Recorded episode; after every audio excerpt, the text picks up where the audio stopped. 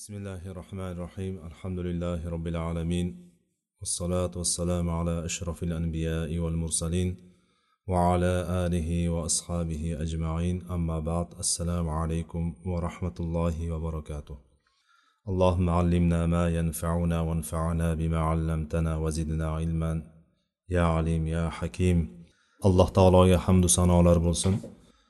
Payg'ambarimiz sollallohu alayhi vasallamga u kishini ahli oilalari sahobalariga alloh taoloning salovati salomlari bo'lsin. Al vajiz fi aqidati salafi solih ahli sunna val jamoa kitobini o'qib kelayotgandik. Shundan birinchi asos ya'ni iymon rukunlari haqidagi iymon va uning rukunlari haqidagi asosni oltinchi rukniga kelib to'xtagan ekanmiz. Bu rukun qadarga iymon keltirishlik. Qadariga ya'ni taqdirga iymon keltirishlik haqidagi bo'lim ekan. Inshaalloh bu bo'limda muallif hafizalloh keltirgan ma'lumotlar bilan tanishgan bo'lamiz. Iymon rukunlaridan mana shu oltinchi rukni qadarga iymon keltirishlik oyat bilan kelmaganligi uchun ya'ni oyatda iymon rukunlarini iymon haqida aytilingan oyatlar bir o'rtada keltirilganda sanalgan paytda allohga oxirat kuniga maloikalariga kitoblariga payg'ambarlarga deb kelgan joyida qadar sanalmaganligi uchun taqdirga iymon keltirishlik aytilmaganligi uchun ba'zi bir toifalar qadarga iymon keltirishlik iymon rukunlariga kirmaydi iymon rukunlari beshta deb turib aytadiganlar ham bor. Lekin rojih qovuliga ko'ra ahli sunna val jamoani aksar olimlarini ulamolarini so'zlariga ko'ra qadarga iymon keltirishlik iymon rukunlarining oltinchisi hisoblanadi.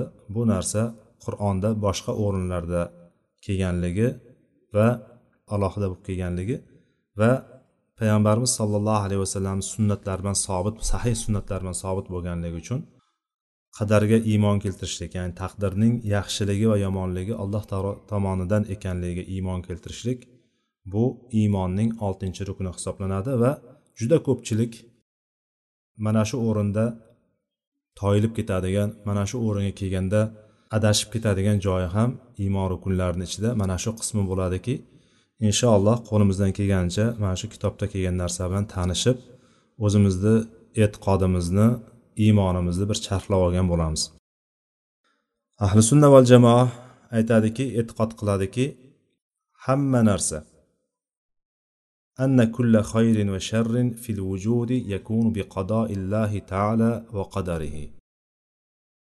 borliqdagi nimaiki yaxshilik va yomonlik bo'ladigan bo'lsa bularning hammasi alloh taoloning qazoyi va qadari bilan bo'ladi. Alloh taoloni o'lchab belgilab qo'ygan qadari bilan taqdiri bilan bo'ladi deb turib qat'iy iymon keltirishadi. Hech qanday shak shubha qilmagan holatda qat'iy iymon keltirishadi. Chunki alloh subhanaa taolo hamma narsani yaratuvchi bo'lganidek alloh taolo hamma narsaga qodir bo'lgan zotdir. Alloh taolo hamma narsaga qodir va alloh taoloning xohishidan biron bir narsa tashqarida qolib ketmaydi. Alloh taoloning mashiati deymiz o'zbekchasiga aytadigan bo'lsak alloh taoloni xohish irodasidan biron bir narsa tashqarida qolib ketmaydi. Bu koinotdagi hamma narsa alloh taoloni xohishini ostida bo'ladi. Alloh taolo xohlaganini xohlaganday qiluvchi zot. Faalul lima yurid. Faal deganimiz bu yerda foil emas. Foil degani bir narsani qiluvchi degani. Lekin faal bo'ladigan bo'lsa o'shani orttirma darajasi mubolag'a siyg'asi bu. Mubolag'a qilishlik ya'ni xohlaganiday qiluvchi zotdir. Xohlagan narsasini xohlaganiday qiluvchi zotdir. Har bir narsa va barcha narsa butun koinotdagi nafaqat yer yuzidagi butun koinotdagi butun borliqdagi hamma narsa alloh taoloning irodasi xohishi va boshqaruvi va qudratini ostiga kiradi. Undan biron bir narsa alloh subhana taoloni xohish va taqdiridan biron bir narsa tashqariga chiqa olmaydi. Hamma narsa shuni ichida bo'ladi deb e'tiqod qiladi ekan. Alloh taolo hamma narsani kullu ma kan va ma yakunu minal ashya ya'ni har bir narsani bo'lganini ham hali endi bo'ladiganini ham ya'ni o'tib bo'lganini ham va kelajakda bo'ladiganini ham o'shalar hali sodir bo'lishidan oldin azaldan bilgan alloh taolo.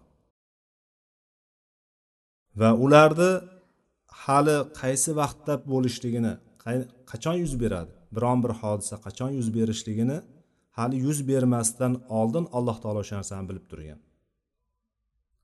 Bu narsa hammasi alloh subhana taoloni taqdirida o'lchab belgilab qo'yilgan. O'sha vaqtga ko'ra o'sha narsalar sodir bo'laveradi. Alloh taolo butun koinotdagi hamma narsaga mana shu koinotdagi butun hamma narsani taqdirlarini alloh taolo belgilab qo'ydi. Nimaga binoan? Alloh taolo o'zini ilmiga va hikmatiga binoan.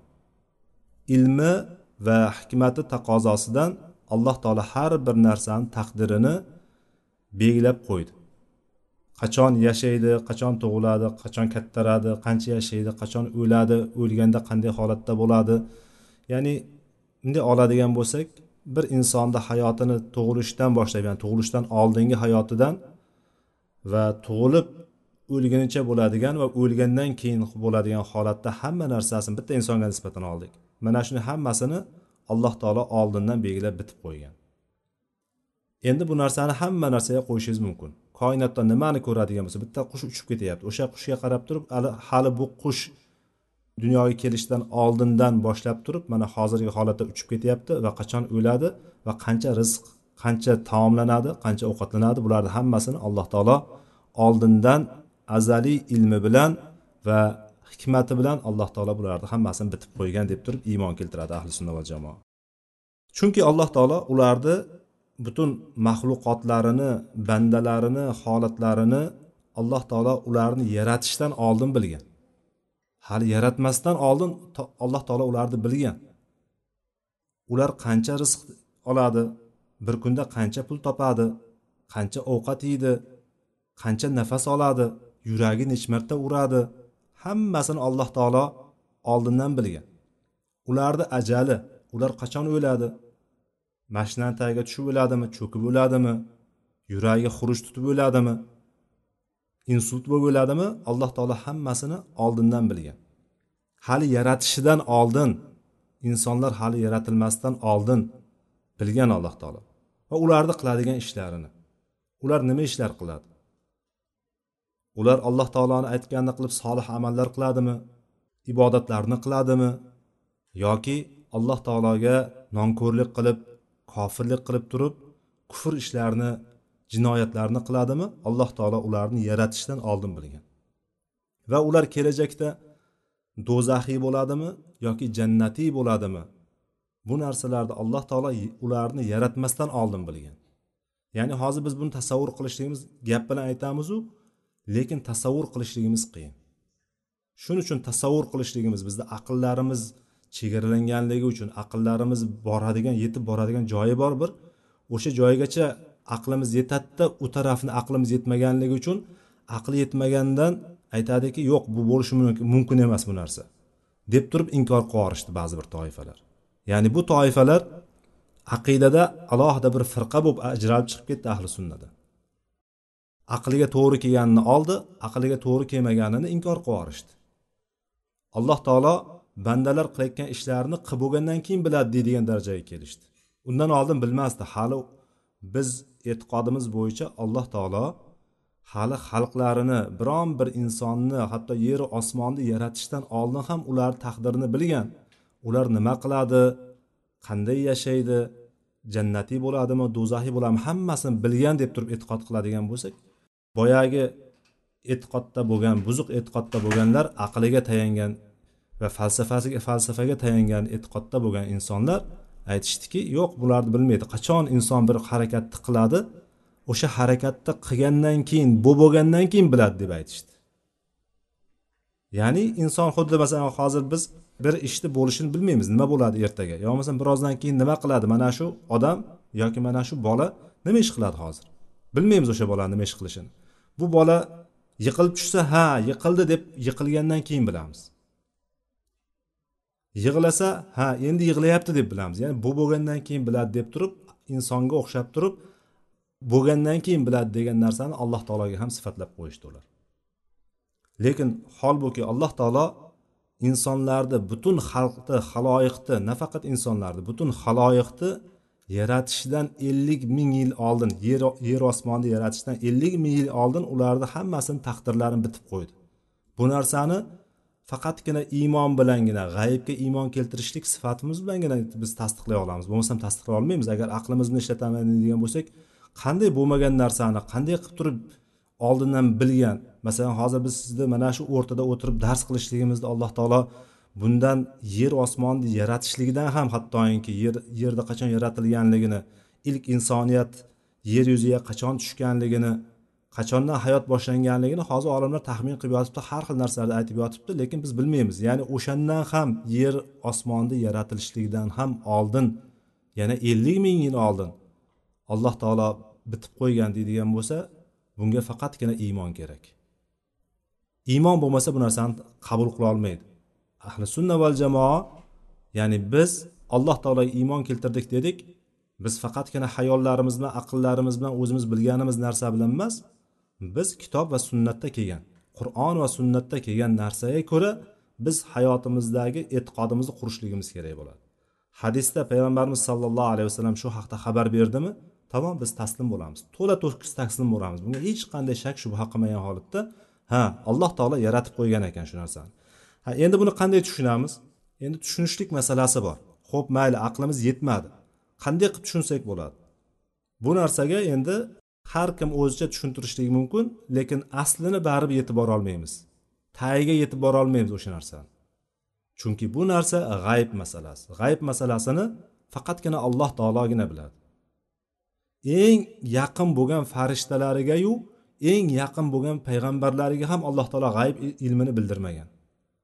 Ba'zi bir narsalarnigina bildirgan ba'zi bir g'ayb ishlarnigina bildirgan bu bildirishligi dinni komil qilishligi uchun va payg'ambarlarni quvvatlashligi uchun insonlarni dinga chaqirishlik uchun alloh taolo g'aybni g'ayb ishlarini ba'zi bir narsalarni bildirib qo'ygan xabar berib qo'ygan o'shalar haqida.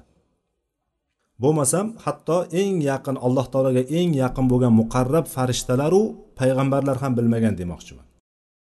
Shuning uchun g'ayb masalasida chuqur ketilinmaydi. Salaflar aytishadiki salaf olimlardan biri aytganki men taqdir masalasiga qaradim deydi taqdir masalasiga qarab hayratdan qotib qoldim degan. Hayratlanib juda hayratdan dong qotdim degan. Hayrat insonni ya'ni hayratlanib qoladigan bo'lsa aqli ishlamay qoladi. Inson shokka tushib qolgan holati bo'ladiku xuddi shu narsadek hayratni shunaqa deb oladigan bo'lsak shokka tushgan inson atrof muhitda bo'layotgan narsani ko'zi ko'rib qulog'i eshitib turadiyu lekin fikrlay olmaydi harakatlana olmaydi. Mana shunday holatga tushib qoldim deyapti. Salaflardan biri aytyaptiki taqdir masalasini shunday holatga taqdir masalasiga qaradimda o'rganishga harakat qilib turib hayratda qoldim va keyin bildimki taqdir masalasida eng biluvchi kishi taqdir masalasidagi eng olim kishi taqdir masalasida ko'p gapirmaydigan kishi ekan deydi. Ya'ni taqdir masalasiga kirmaydigan kishi taqdir masalasida eng olim kishi ekan deydi. Taqdir masalasida eng johil eng ilmsiz kishi shunday bir kishi ekanki taqdir masalasida eng ko'p kirishadigan taqdir masalasida eng ko'p gapiradigan kishi ekan deb aytadilar. Ya'ni taqdir masalasi g'ayb masalasi mana shu iymonni har bir narsa bo'ladigan har bir narsani alloh subhanava taolo tarafidan ekanligidan ya'ni yaxshiliku yomonlik hammasi alloh tarafidan ekanligini bilishlik buni qanday iymon keltiramiz degan joyda mana shunday to'xtalinadigan narsa. Taqdirni dalil qilinadi. Juda ko'p joyga taqdirimda shunaqa ekan peshonamga bitilgani shu ekan deydi. Nima qilay men deydi. Ya'ni insonlar o'zlarini osiy bo'lib yurganligiga o'zlarini fosiq bo'lib yurganligiga taqdirda dalil qilib keltiradi. Ya'ni xosatan taqdir masalasi taqdirni dalil qilishlik. Bu faqatgina inson o'zini gunohlarini o'zini qilayotgan ishlarini yopib yuborishlik uchun taqdirni misol qiladi xolos. Lekin dunyoviy ishlarda hech kimni taqdir masalasini taqdirni dalil qilayotganligini ko'rmaysiz. Chunki asli taqdirni dalil qiladigan joyimiz musibatlar kelgan paytda bu ollohni taqdiri ekan deyishligimiz. Biz ollohniki edik va allohga qaytamiz. Olloh xohlaganini qiladi o'zini mulkida. Deb turib aytadigan kishilarni alloh taolo ularni maqtagan. Vaholanki mana shu o'rinda musibatlar kelgan paytda dunyoviy bir ishlarimizda bo'layotgan narsalarda biz taqdirda hujjat qilishligimiz kerak. Lekin odamlar o'zlarini gunohlarini yashirishlik o'zlarini oqlashlik uchun mana shu taqdir masalasini keltiradi. Taqdirimda bor ekan deydi. Alloh xohlasa men ham o'qiyman deydi. Hatto mushriklar aytdiki mana qur'onda keladiki agar olloh xohlamaganida biz butlarga sig'inmagan bo'lardik ota bobolarimiz ham sig'inmagan bo'lardik dedi. Biz butlarni emas allohga sig'ingan bo'lardik deb turib ular davo qilishdi hattoki. Bu insonni tabiatida bo'lgan narsa o'zini oqlashga kirishayotgan paytda mana shunday narsalar bilan oqlaydi. Lekin misol keltiradiki shayx favzon hafizahulloh tahoviy aqidat tahoviyani sharhida mana shu taqdir masalasidagi joyida odamlarni taqdirni misol hujjat qilishligini keltiradi. O'zlariga hujjat qilib olgan masalan. Endi deydi ho'p deydi taqdirimda yozilgan ekan deb o'tirishliging to'g'rimi deydi. O'shanga bir misol keltiraman deydi. Misol keltirganda masalan deydi seni yoningda nima deymiz bu? Hamyon. O'zbekchasiga hamyoning bor. Hamyoningda puling bor. Sen ketayotganding bitta o'g'ri keldi deydi. O'g'ri keldida o'sha narsani olib qochib ketyapti dedi hamyoningni olib qochib ketyapti. Sen o'shanga ham meni taqdirimda bor ekan olib ketaver deysanmi deydi. Agar o'sha o'g'ri agar bo'p ham cho'loq bo'lsachi bir oyog'i cho'loq bo'lib turib sizni hamyoningizni olsada oqsoqlanib sekin sekin ketyapti. Siz orqasidan qarab turib e taqdirimda bor ekan mayli. Bo'lgani bo'ldi deymizmi? Yo'q. Kerak bo'lsa borib ikkinchi oyog'ini ham sindiramiz. Hamyonni olib ikkinchi oyog'ini ham sindiramiz. Ya'ni dunyoviy masalada biz o'zimiz taqdirni hech ham hujjat qilmayapmizmi? Demak hech qaysi o'rinda taqdirni hujjat qila olmaymiz aslida. Mana shu narsani biz e, to'g'ri tushunib olishligimiz kerak. Mana shu o'rinda demak bo'ladigan har bir narsani alloh taolo yaratdi dedik. Alloh taolo taqdirlarim bitib qo'ydi dedik. O'sha bitganligini bundan insonlarni yaratishligidan oldin dedik. Biz tushunishligimiz mumkin bo'lgan bitta nuqta biz hozir hamma narsani vaqt bilan tushunamiz. Zamon degan narsa bor. Bizda kun oy soatlar mana bu soatlarni kunlarni agar biz shunday chiqaradigan bo'lsak o'rtadan shunday olib qo'yadigan bo'lsak allohni nazarida tasavvur qiling hali yaratilmagan inson yashab bo'layotgan hammasini holatini alloh taolo oldindan ko'rib turibdi. Degan tasavvurdagina ko'rishligimiz mumkin. Yo bo'lmasam bitta ssenariyni o'ylab topilinadida masalan kino ishlayotgan bo'lsa yoki biron bir film yoki biron bir narsa ssenariy yoziladi birinchi. Yozib chiqib turib mana yozilgan narsani ssenarist o'sha narsani rejissyor deymizmi yozuvchisi deymizmi o'sha yozib bo'lgan narsani nima ekanligini o'zi biladi. Boshidan oxirigacha va o'shanga xos aktyorlarni tanlaydida o'sha aktyorlar hammasi boshidan oxirigacha o'shani o'ynab beradi. Ya'ni rejissyor hamma narsani biladi lekin bu yoqda tomoshabinlarga butun xalqlarga o'sha narsani qo'yib berayotgan paytda o'sha filmni qo'yib berayotgan paytda insonlar buni birinchi marta ko'rayotgan bo'ladi. Ya'ni buni yozuvchi kishi alloh taolo buni o'xshatishlik o'zi valillahil masalul ala alloh taologa faqatgina eng oliy misollarigina yarashadi lekin biz tushunishlik uchun ba'zi bir taraflarini keltiryapmiz. Lekin alloh taolo bu ssenaristga o'xshab turib majburiy qilib turib mana shu rolda mana shu gapni gapirishliging kerak bu gapni gapirmasang yoki mana shuni o'ynamaydigan bo'lsang bo'lmaydi deyaptimi? Yo'q unaqa emas. Alloh taolo insonga juziy iroda berdi. Bizga o'zimizga iroda berdi. Bizga ikkita yo'lni ko'rsatib qo'ydiki o'zing tanla deb qo'ydi. Lekin o'shani tanlayotganimizni ham alloh taolo oldindan bitib qo'ygan bo'ladi. Mana shu joyda adashadigan joy bor. E qanday? Alloh taolo ham bizga ixtiyor bersada ham bizni mana shunday qilib turib ya'ni yozilgan narsadan chiqib ketolmaydigan bo'lsak degan narsa bo'ladi. Ya'ni buni tushunishlik uchun yana qo'polroq misol qilib keltiraman. Bittasini boshdan oxirigacha insonni qo'yib qo'yib turib unga hozirgiday masalan kitob va sunnat jo'natilindi payg'ambar jo'natilindi. Mana tanla deb turib ixtiyor berildi. U tanladi va yo'lini tanlab turib o'ldi ketdi. Yashab o'ldi ketdi. Buni o'zini holiga qo'yib qo'ygan paytda qanday yashab oxirida qanday o'lishligini alloh taolo oldindan bildi. Ya'ni hammasi zamonni olib tashlaydigan bo'lsak o'rtadan zamonni hozirgi biz zamonni o'rtadan oladigan bo'lsak ana o'shandagina ko'ra olamiz. Alloh taolo hali bo'lmasdan turib bo'ladigan narsani bo'ladigan kelajakda bo'ladigan narsalarni va bo'lganda ham qanday bo'lishligi kerakligini alloh taolo azaliy ilmi bilan bilib turibdi. Shuning uchun alloh taoloni ilmi shunaqaki hamma narsani o'zincha olib ketadi. Unda zamon yo'q. Alloh taoloni ilmida zamon degan narsa yo'q. Shuning uchun alloh taoloni ilmi bo'lgan narsalarni ham o'sha narsa bo'lishligidan oldin qanday bo'lishligini ham va bo'ladigan kelajakda bo'ladigan narsalarni ham va bo'lmagan narsalarni ham agar o'sha bo'lmagan narsa mabodo bo'lib qoladigan bo'lsa o'sha qanday bo'lishligini ham biluvchi zot. Ya'ni bu degani boshqacha qilib aytgan bo'lsak hamma zamonni shunday olib tashlaymiz. Tasavvur qiling bitta inson hali homila paytida turibdi. O'sha inson agar zamon yo'qda endi o'rtada. O'sha inson bola bo'lib o'ynab yuribdi o'sha inson katta bo'lib turib ishlab oila quryapti yana o'sha inson o'lyapti. Va o'sha inson qabrda yotibdi. Mana shu holatni zamon olib tashlangan paytda hammasi bir paytda o'zida bo'layotgan bo'lib qoladi.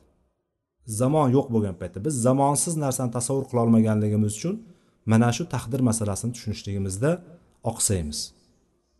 Mana shuni qisqacha qilib turib tushunsak bo'ladi. Endi biz hali shuning uchun pastda hali kitobimiz davomida muallif hafizahulloh ahli sunna va jamoa mana shuni tushunishlikka ahli sunna va jamoa e'tiqod olimlari o'sha aqidani tushuntirishlikka harakat qilgan olimlar qanday tushunishligimiz kerak ekanligini mana shunday tushunsak mana shu narsalar to'rtta bosqichi bor o'sha to'rtta bosqichni bir biriga birlashtirib chiqadigan bo'lsak ana o'shanda umumiy tarzda omma insonlar tushunadigan bir holatga keladi deb turib aytishgan o'shalarni inshaalloh sekin sekin gaplashamiz. Hozir umumiy kirish qismi yasagan bo'ldik.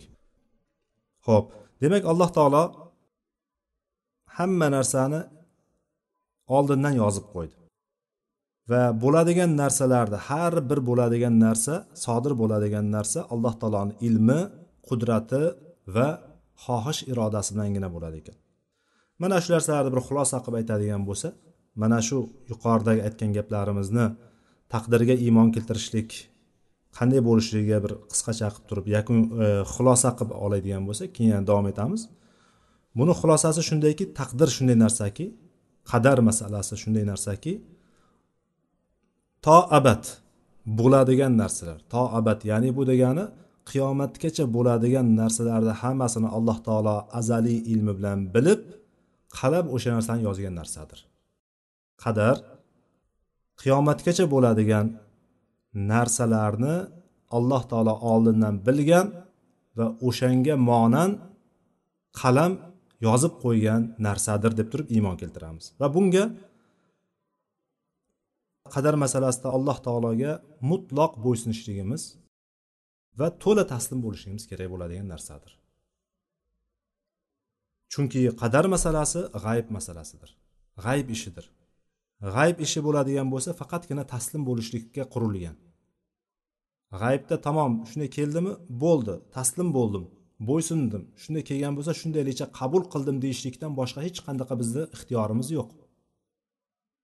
Chunki uyog'ini tushuna olmaymiz boya aytganimizdek aqlimiz yetmaydi uyog'iga aqlimizni ham bir boradigan joyi bor chegarasi bor. O'sha chegaradan nariyog'iga o'tdimi ya'ni ko'rolmaymiz. Alloh taolo aqlimizni berdi lekin bizni aqlimiz demak shu narsani tushunmaymiz ekanda yo'q tushunmaymiz emas. Alloh taolo aql berdi o'sha aql yetadigan darajada tushunishlikka yetarli narsalarni berdi. O'sha tushunishlikka yetarli narsa bilan biz jannat yo'lini tanlay olamiz yoki alloh saqlasin do'zax yo'lini tanlaymiz. Jannatga olib boradigan yo'llarni o'shanga olib boradigan ilmlarni tushunadigan darajada bizga alloh taolo aqlni berib qo'ydi. Alloh taolo aytdiki qur'onda mana shu taqdir masalasiga dalil keltiryapti muallif. Sunnatullohi filladina xalav min qablu va kana amrullohi qodaran maqduro bu ahzob surasini o'ttiz sakkizinchi oyatda kelyapti. Bu oyat payg'ambar sollallohu alayhi vasallamga nozil bo'lgan ya'ni payg'ambar sollallohu alayhi vasallamga taalluqli bo'lgan xos bir masala bor edi. O'sha masalada bu masala butun mo'minlarga tegishli ekanligi ya'ni tutingan o'g'ilni o'zini o'g'lidek bo'lib ketmasligini balki u tutingan o'g'il holatda qolishligini o'gay o'g'il holatda qolishligini bayon qilgan o'shani hukmini johiliyatdagi hukmini bekor qilgan o'rinda kelgan oyat va o'shanda sunnatallohi filladina min qabl. Payg'ambar alloh taolo farz qilgan narsada payg'ambarda biron bir haraj qolmasdan o'shanga taslim bo'ladi deydi. Ya'ni payg'ambarni ishi olloh tarafidan kelgan narsaga taslim bo'lishlik. Va mana shu narsa ilgari o'tgan payg'ambarlar haqidagi ham alloh taoloni sunnati alloh taoloni yo'lidir mana shu. Alloh taoloni qonuni oldingi payg'ambarlarda ham xuddi shunday bo'lgan. Alloh taolo bir narsani xohlab turib mana shunday bo'ladi deydigan bo'lsa shariatni keltiradigan bo'lsa payg'ambar shunday bo'ysungan qo'ygan boshqa narsa qolmagan chunki va kana amrullohi qodaran maqdura chunki alloh taoloni amri alloh taoloni ishi taqdirlab belgilab qo'yilgan narsadir. Mana shu oyat. Va undan keyingisi keyingi oyat va xalaqa kulla shayin faqaddarahu taqdira. Bu oyat furqon surasida kelyapti ikkinchi oyatida. Alloh taolo hamma narsani yaratdi va ularni taqdirlarini belgilab qo'ydi. Alloh taolo hamma narsani yaratdi va ularning taqdirlarini belgilab qo'ydi. Undan keyingi oyat inna kulla shayin xalaqnahu biqadar. Albatta biz deyapti alloh taolo barcha narsani taqdiri bilan yaratdik deyapti. Xalaqnahu biqadar. Har bir narsani oldindan belgilab qo'yilgan taqdiri bilan yaratdik. Ular o'zlaricha xohishi bilan o'zi bilan xohlagandek qiladigan yoki xohlagan oilada tug'iladigan xohlagan rangda xohlagan irqda yoki xohlagan bir e, vaznda bo'lishligini inson o'zi uni yaratib olgani yo'q. O'zi xohlab turib o'sha joyga kelgani yo'q. Oldindan zakaz bilan kelgani yo'q inson. Alloh taolo oldindan o'lchab belgilab qo'ygan narsa bilan alloh taolo yaratdi buni. Mana shu oyat. Payg'ambar sallallohu alayhi vasallam aytdilarki La yu'minu abdun hatta yu'mina bil qadari khayrihi va sharrihi min Alloh va hatta ya'lama anna ma asabahu lam yakun أخطأه va anna ma akhta'ahu lam yakun liyusiba. Termiziyning rivoyati ekan. Payg'ambarimiz sollallohu alayhi vasallam aytdilarki, banda qadarga iymon keltirmagunicha qadardagi qadarning yaxshiligiyu yomonligi ollohdan ekaniga iymon keltirmagunicha hatto o'ziga biron bir narsa keladigan bo'lsa o'sha narsa kelmasdan qolmasligini biron bir narsa unga kelmaydigan bo'lsa o'sha narsa aslo kelmasligini bilmagunicha iymoni komil bo'lmaydi yoki la yu'minu deb keldi bitta iymon keltirgan bo'lmaydi dedilar payg'ambarimiz sallallohu alayhi vasallam. Ya'ni bu iymonni rukni ekanligini dalolatidir bu yerda bu yerda hozir man tarjimaga ham qaradim. Bu tarjimada nima deyapti? Komil mo'min bo'la olmaydi deyapti. Bu komil mo'min bo'la olmaydi degani agar o'sha qismi tushib qoladigan bo'lsa qadariga iymon qismi tushib qoladigan bo'lsa mo'min bo'ladi u ham degan narsa kelib chiqadi lekin unday emas. Hadisda la yu'minu abdun deb aytyapti. Banda mo'min bo'lolmaydi buni shunday qoldirishligimiz kerakki chunki iymonni rukunlari oltita. Iymonni rukunlari oltita bo'lgandan keyin bittasi tushib qoladigan bo'lsa iymon nuqsonli bo'ladi. Ya'ni iymoni iymon bo'lmaydi uni degan. Oltita rukunni bir biridan kam joyi yo'q. Hammasi bitta butun bo'lsagina iymon komil bo'lib turib iymon o'sha kishi mo'min bo'lib turadi. Bittasi tushib qolsa ham mo'min hisoblanmaydi u. Shundan ustozlarimizdan biri aytib bergandiki biz shu dars beraverar ekanmiz bolalarga dars beramiz o'rgatamiz. Doim shu narsalardan dars beramizu. Lekin iymonimiz komilmas ekan iymonimiz butun emas ekan. Ya'ni biz faqatgina tilimizda aytar ekanmiz bu narsani. Deb aytgan ekan. Shunda nimaga undoqa deyapsiz ustoz deb so'rasam deyapti bizni ustozimiz aytib beryapti. Biz qadarga iymonimiz qadarni ya'ni yaxshi sizga yaxshilik keladimi bir yomonlik keladimi? Sizga xursandchilikmi xafachilikmi musibat keladimi? Bu narsani hammasini ollohni taqdiri bilan bo'layotganligini allohni xohishi bilan bo'layotganligiga biz darslarda gapiraverar ekanmizu. Lekin boshimizga tushgan paytda boshimizga tushgan paytda o'shani to'liq emas ekanligini his qilamiz ekan deb aytgan ekan. Ya'ni bu degani inson musibat kelgan paytda o'shani ham allohni taqdiri bilan kelayotganligini bila olishligi kerak. Yo bir kenglik kelayotgan paytda allohni taqdiri bilan kelayotganligini bu alloh taoloni bitib qo'ygan azaldan bitib qo'ygan narsasi bilan kelayotganligini bilishlik kerak. Ana o'shan bilan inson biladiki mana bu hadisda aytyaptiki sizga keladigan narsa. Ma asoba lam yakun liyuxtiah deyapti. Sizga yetib keladigan narsa yo'lda to'xtab qolmaydi. Albatta yetib keladi o'sha narsa. Ya'ni u xoh musibat bo'lsin xoh yaxshilik bo'lsin. Xoh yomonlik bo'lsin sizga keladigan narsani hech kim to'sib qololmaydi keladigan narsa albatta yetib keladi. Sizga bir narsa kelmaydigan bo'lsa kelmaydigan bo'lsa hech qachon yetib kelmaydi sizga. Kelmaydi o'sha musibat kelmaydi sizni boshingizga. Yoki rizq ham kelmaydi o'sha rizq ham. Siz yelib yuguring bormagan joyingiz qolmagan qolmasin qilmagan ishingiz qolmasin lekin kelmaydigan narsa sizga baribir kelmaydi. Mana bu narsa lekin biz buni qachon bilamiz? Qachonki o'sha narsa kelmagandan keyingina bilamiz. Mana shu yerda nuqtasi bor. A demak menga kelmaydi ekan aslo kelmaydi ekan deb turib biz sabablar tashlab qo'yamizmi? Yo'q unaqa demoqchi emasmiz bu yerda. Ya'ni biz qachon bilamiz? Bizni boshimizga tushgandan keyin a bu narsa ollohni taqdiri bilan keldi menga. Men mana shu o'rinda to'g'ri xulosa qilishligim kerak. Alloh taolo bir narsani xohlagan bo'lsa albatta bo'ladi bu narsa. Lekin bu narsani orqasida agar bizga bir musibat bo'ladigan bo'lsa aytishligimiz kerakki bu allohni hikmati bilan bo'lyapti. Allohni hikmati shunaqa narsaki hamma narsani qamrab oladi. Allohni hikmati komil mukammal. Biznikka o'xshagan bir tarafini ko'rsak bir tarafini ko'ra olmaydigan darajada aql emas. Allohni hikmati buni orqasida katta katta hikmatlar bor biz bilmayotgandirman. Alhamdulillah alloh taolo bu narsani menga beribdi. Alloh taolodan bu narsani ajrini savobini kutaman va bundan yaxshiroq narsani menga berishligini umid qilaman deb turib alloh taologa duo qilishligimiz alloh taolodan so'rashligimiz kerak bo'ladi. Mana shu joyda taqdir bizga kerak bo'ladi. Boyagi ustozimizni ustozimiz aytib bergandiki o'shanda u kishini tergovga olib ketgan ya'ni olib borib qamab qo'ygan.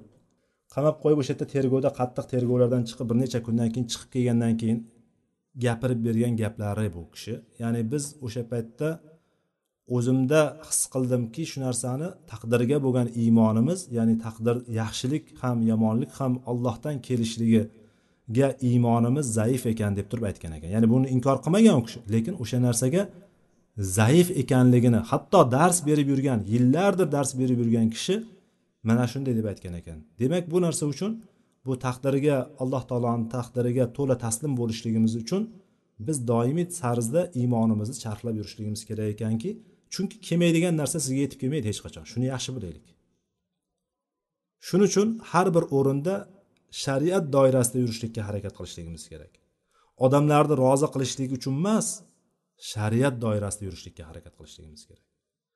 Ya'ni odamlar shuni gapiryapti odamlar hijob o'raydigan bo'lsam odamlar gapiryapti o'shani orqasidan menga musibat yetib keladi ekan deb turib hijobni yechishlik degani emas bu.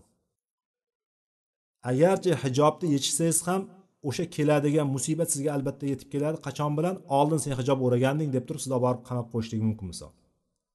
Yoki sen oldin hijob o'raganding deb turib sizga zulmlar qilishligi mumkin. Shunaqa bir holatlarni biz yashadikki ko'rdikki ko'zimiz bilan insonlar hattoki ko'chada shu meni oldin ibodat qilardi musulmon edi shundan meni ushlamasin meni qamab qo'ymasin menga zulm qilmasin degan maqsadda ko'chada sigaret chekib ba'zilar hatto ichkilik ichib yurganlar ham bo'ldi. Lekin alloh taolo baribir o'shani olib borib o'sha zolimni qo'li bilan zulmladi. Ya'ni uni o'zini tashqi tarafdan fosiqni qiladigan ishini gunohlarni qilib yurishligi uni to'sib qolgani yo'q. Keladigan narsa albatta keladi. Hatto o'lim ham albatta yetib keladi. O'limni biz inkor qilamizmi? O'limni biz inkor qilamizmi? Yo'q inkor qilmaymiz. Agarki mustahkam qal'alarni ichida temirdan bo'lgan cho'yandan bo'lgan hamma tomonidan biron bir hattoki hech narsa o'tolmaydigan biron bir hasharatu hatto havo ham kirmaydigan qilib turib tashqaridan havo kirmaydigan qilib turib bitta qal'ani ichida bo'ladigan bo'lsangiz ham o'lim yetib kelaveradi. Aynama takunu yudrikkumul mautu valau kuntum fi burujim mushayyada oyatda aytyapti alloh taolo. Ya'ni rizqimiz ham xuddi shunday. Rizqimizni ham xuddi bizni o'lim orqamizdan quvib yurgandek rizqimiz ham xuddi shunday quvib yuradi bizni orqamizdan yuradi rizqimiz rizqimiz keladigan o'sha bir parcha nonimiz ham yoki bir qultum suvimiz ham o'sha rizqimiz bor ekanmi? Qayerda bo'lishligimizdan qat'iy nazar alloh taolo o'shani yetkazib turadi. Mana voqealarni qancha bittasini ko'rib turib ibratli voqealarni ko'ramiz.